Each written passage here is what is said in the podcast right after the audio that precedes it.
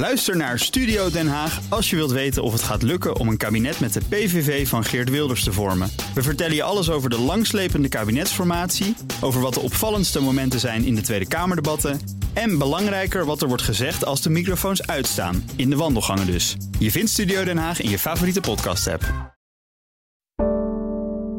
Een goedemorgen van het FD. Ik ben Anna Dijkman en het is donderdag 9 november. Het CPB kwam met zijn doorrekeningen en dat is toch altijd even spannend. Als je je plannetjes laat doorrekenen door het CPB, dan, dan moet je dus ook erbij vertellen hoe je het gaat betalen. En de hoop is dat met behulp van Silicon Valley en de AI eindelijk eeuwenoude papierensrollen leesbaar worden. Iets wat al heel lang geprobeerd wordt. Ze zijn uh, opengeknipt, ze zijn met uh, kwik bestrooid, ze zijn met gas bespoten. Uh, dat heeft er eigenlijk alleen maar toe geleid dat er stof en snippers ontstonden. Want dat zijn gewoon hele kwetsbare objecten. Dit is de dagkoers van het FD. We beginnen met de doorrekeningen van het Centraal Planbureau. Een moment waar menig Haags journalist op zit te wachten en zo ook onze eigen politiek verslaggever Cor Hoorde. Hij vertelt je wat hem opviel aan de bevindingen van het CPB. Eigenlijk wat er dus hetzelfde blijft. Als je goed bekijkt, zie je een overheid die blijft groeien. Bij alle partijen, zelfs de VVD, daar wel het minste, zoals je misschien wel ook zou verwachten. Je moet bedenken dat uh, er was nogal wat kritiek, ook bijvoorbeeld van economen van DNB, dat er zo'n expansief begrotingsbeleid was van het oude kabinet. Expansief wilde zeggen dat je een heleboel geld uitgeeft zonder dat je het dekt. Dat is ook zo'n Haagse term, dan dat je het betaalt. Andere woorden, laat gewoon het tekort oplopen. Uh, ja, als het kabinet gewoon was blijven zitten en er was niks veranderd, zouden we in 2028 een tekort hebben van 3,6 procent. Dus nog hoger dan de Europese norm.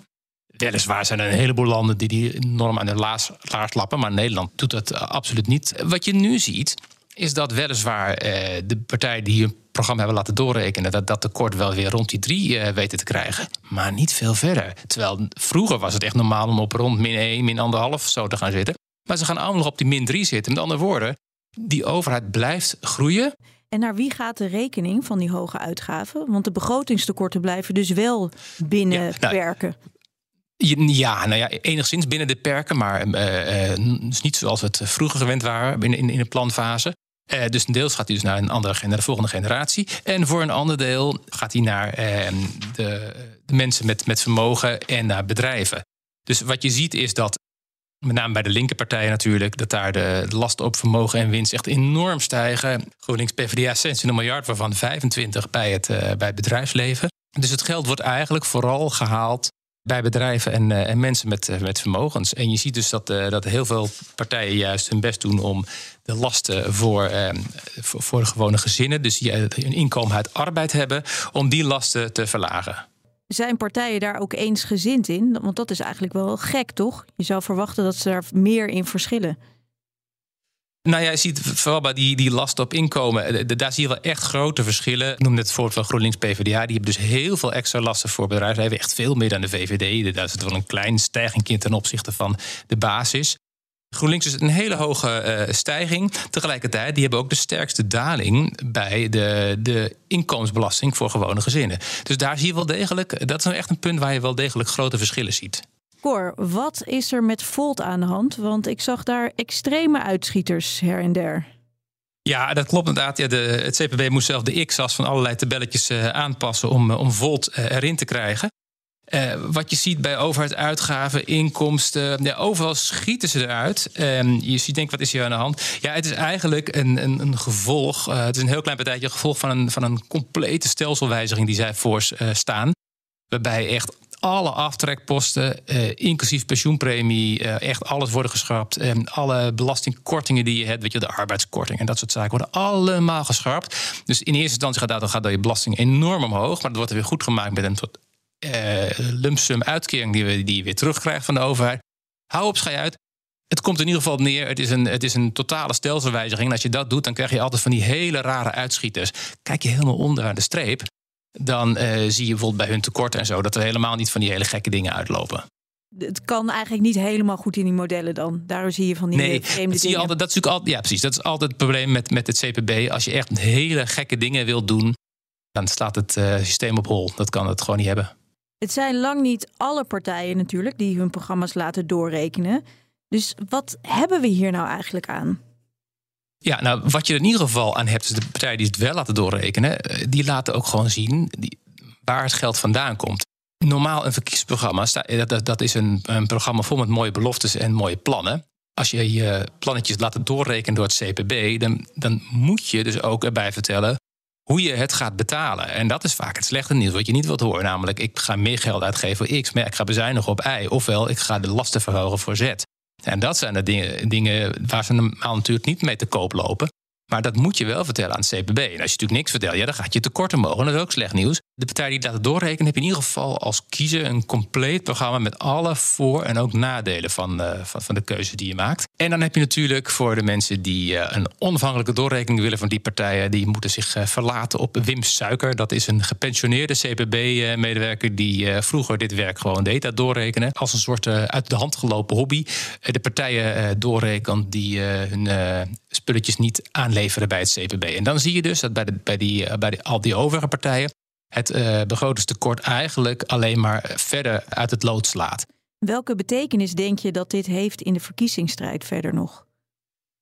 Dit zal gewoon een, een onderdeel zijn in, de, in, alle debatten van kijkers. Ik ben kampioen op dit, ik ben kampioen op dat. Je zag het al bij de eerste reactie van, uh, van de mensen in de zaal van de partijen. Van uh, kijkers, wij zijn kampioen op uh, kind, kinderarmoede. Tegelijkertijd, je moet weten, zijn niet alleen de CPB-doorberekeningen gepubliceerd, maar ook de doorberekening van het, van het Planbureau voor de Leefomgeving, allerlei milieueffecten.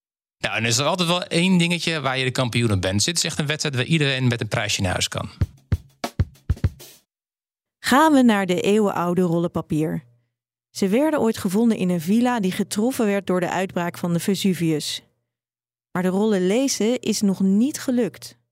Tot nu. Want met behulp van een paar ondernemers uit Silicon Valley en AI zijn er al enkele letters zichtbaar. Redacteur Jeroen Piersma neemt je mee naar Herculaneum. Het heeft een uh, lange voorgeschiedenis, uh, want de villa waarin die rollen gevonden zijn, in Herculaneum, die is al in 1750 ontdekt. Aanvankelijk um, hadden ze niet door wat ze eigenlijk in handen hadden. Hè. Het zijn van die verkoolde rollen.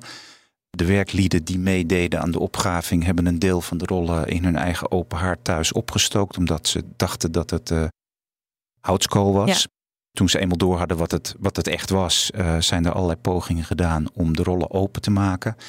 Ze zijn uh, opengeknipt, ze zijn met uh, kwik bestrooid, ze zijn met gas bespoten. dat heeft er eigenlijk alleen maar toe geleid dat er stof en snippers ontstonden, want dat zijn gewoon hele kwetsbare objecten. Ze zaten vast en toen kwam Silicon Valley erbij. Wat gebeurde er toen?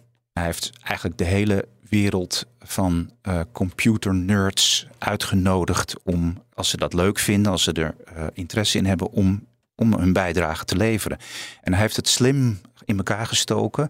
Want het is niet één prijs. Het, zijn eigenlijk, uh, het is één hoofdprijs. Maar er zijn ook een heleboel kleinere prijzen voor als je een deel ontdekking hebt gedaan. Maar dan is de voorwaarde wel dat je je ontdekking deelt, dat je je data deelt. Dat heeft dus gewerkt. Er zijn dus een aantal van die uh, computer nerds die met AI een heel eind gekomen zijn, die op een bepaald moment letters zijn gaan ontdekken. In oktober van dit jaar, dus vorige maand, uh, hebben ze voor het eerst, is er één uh, 21-jarige computerstudent uit de Verenigde Staten in geslaagd om een woord zichtbaar te maken. En wat betekent dit nou? Want hebben we enig idee wat er op die rollen staat? Nou, vanwege die snippers en fragmenten die in het verleden door uh, al die pogingen om ze te lezen uh, gecreëerd zijn, staan teksten van uh, de Griekse filosoof Philodemus.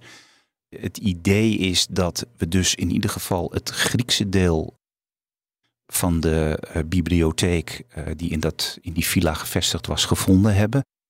Maar er is misschien ook nog wel een Latijnse bibliotheek. Uit archeologische opgravingen uit de jaren 90 van de vorige eeuw is gebleken dat men eigenlijk in de 18e eeuw alleen maar de bovenste etage van die villa uitgegraven heeft. En dat er nog twee etages onder zitten. Dus het idee onder heel veel archeologen en historici is dat er nog veel meer van die rollen zouden kunnen zijn, maar dan in die andere twee etages. Ja.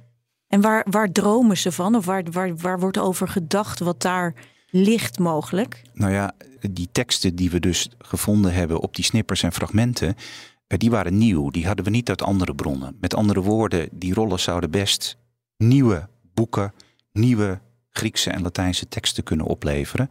Ja, en dan beginnen klassici al snel te dromen over nieuwe toneelstukken van Sophocles, nieuwe gedichten van Sappho, dan wel verloren gewaande boeken van uh, de, de, de, de Romeinse historicus Livius. Dat zijn de dromen op dit moment. Het zou kunnen, maar we weten het nog niet zeker. Nee, daar moeten we nog even op wachten. Want 140 uh, letters of vier passages, dat is nu al. Uh... Dat is al een hele grote stap. Uh, dat is veel meer dan er in de afgelopen twintig jaar is bereikt. Um, en ja, het is nu even afwachten of het gaat lukken om dat, om dat te doen en dan vervolgens de hele rol te lezen.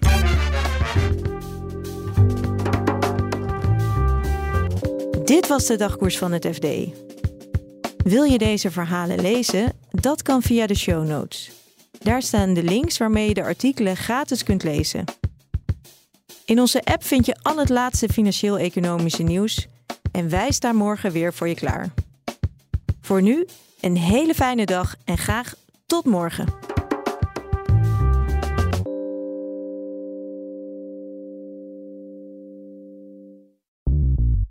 Bij BNR ben je altijd als eerste op de hoogte van het laatste nieuws. Luister dagelijks live via internet. Bas van Werven. En heel langzaam komt de zon op rond dit tijdstip. Je krijgt inzicht in de dag die komt op BNR, het Binnenhof in Nederland en de rest van de wereld. De Ochtendspits. Voor de beste start van je werkdag. Blijf scherp en mis niets.